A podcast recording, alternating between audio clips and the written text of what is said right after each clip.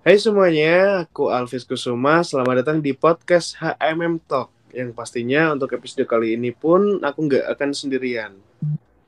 Halo, aku Anissa. Aku sama Alvis melalui podcast ini bakal nemenin kalian bahas hal-hal seru seputar kehidupan perkuliahan yang pastinya bakal seru banget loh buat dibahas.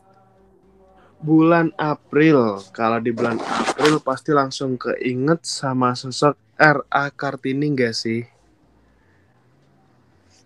Bener banget, Fis. Dan kalau ngebahas R.A. Kartini, pasti secara otomatis langsung keinget sama emansipasi wanita yang beliau perjuangin.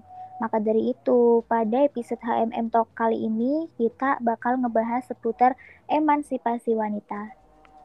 Oke, untuk gerakan emansipasi wanita yang dipelopori oleh R.A. Kartini, ini dimulai sejak pertengahan abad ke-19.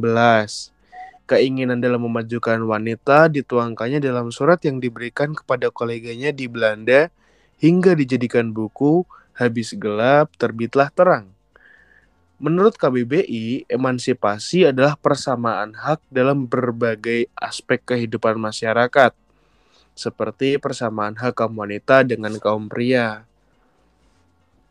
Nah, istilah emansipasi wanita juga memiliki arti proses pelepasan diri de, diri para wanita di, dari kedudukan sosial ekonomi yang rendah atau dari pengekangan hukum yang membatasi kemungkinan untuk berkembang dan untuk maju. Emansipasi wanita pada prinsipnya memberikan seluruh hak dasar manusia kepada wanita Misalnya hak berbicara, hak hidup, dan lain sebagainya.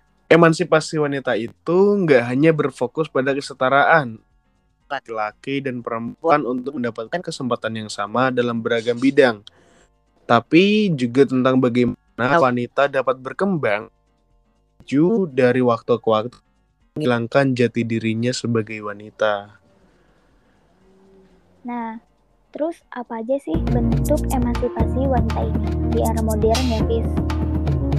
Oke, menurut beberapa sumber yang aku baca, ada beberapa bentuk penerapan dari emansipasi wanita ini, Nis. Yang pertama, kebebasan berpendapat kaum wanita. Dulu, para wanita takut menyuarakan pendapat karena perempuan dianggap sebagai sosok yang seharusnya lebih menerima tapi di era sekarang harusnya udah nggak berlaku lagi ya. Karena baik perempuan atau laki-laki punya hak untuk memberikan pendapatnya. Yang kedua, berbagi pekerjaan. Pemahaman bahwa pekerjaan rumah tangga adalah tanggung jawab kaum wanita kayaknya harus diluruskan karena sudah seharusnya kita mulai menyadari bahwa pekerjaan rumah tangga bukan saja kewajiban perempuan tapi juga laki-laki dan wanita pun seharusnya punya hak dan kesempatan yang sama dengan laki-laki dalam pekerjaan di lini profesional. Dan yang terakhir, kesetaraan dalam pendidikan. Sudah seharusnya pendidikan benar-benar dirasakan oleh semua perempuan tanpa melihat kelas sosialnya. Oke, oke. Lumayan banyak juga ya, Fit kalau boleh aku nambahin, mungkin pemenuhan hak-hak wanita juga bisa jadi salah satu bentuk dari gerakan emansipasi wanita ini. Wah, boleh banget nih. Tapi aku mau tahu dong hak-hak itu apa aja sih? Hak-hak ini meliputi hidup bebas dari kekerasan dan diskriminasi, hak mendapatkan akses kesehatan, hak mendapatkan pendidikan, memiliki properti sendiri, hak untuk memilih, hak reproduksi, dan hak untuk mendapatkan gaji yang seimbang, Fis. Wah, iya itu bener banget nih. Itu memang harus ada di dalam emansipasi wanita. Nah, mengenai emansipasi, aku juga punya pandangan sendiri loh, Nis. Sebenarnya, oke, okay, sebenarnya arti emansipasi menurutku itu nggak jauh dari apa yang udah aku sampaikan tadi, Nis. Jadi intinya emansipasi adalah proses memberi individu kebebasan dan hal sosial atau politik. Nah, mengenai emansipasi wanita, hal itu berarti adalah proses memberikan uh, kebebasan hak sosial ataupun politik kepada wanita uh, tanpa membeda-bedakan status sosialnya gitu loh nih. Jadi para wanita ini tuh memiliki perlakuan yang sama di bidang sosial maupun di bidang politik. Soalnya masih banyak banget aku temuin dalam bidang sosial ataupun politik wanita itu dianggap sebelah mata doang nih. Jadi aku sebenarnya agak merasa prihatin dan kasihan aja gitu kalau melihat wanita dianggap uh, sebelah mata aja oleh beberapa orang tersebut gitu. Aku sih setuju banget sih sama kamu kalau hal-hal kayak gini. Nah aku juga mau nambahin nih kayak aku ada tips hal kecil nih untuk mendukung emansipasi wanita wah itu boleh banget nih disampaikan gimana tuh jadi tuh e, berhentilah melakukan shaming kepada perempuan di media sosial. Banyak hal yang menyenangkan yang bisa kita lakukan di media sosial.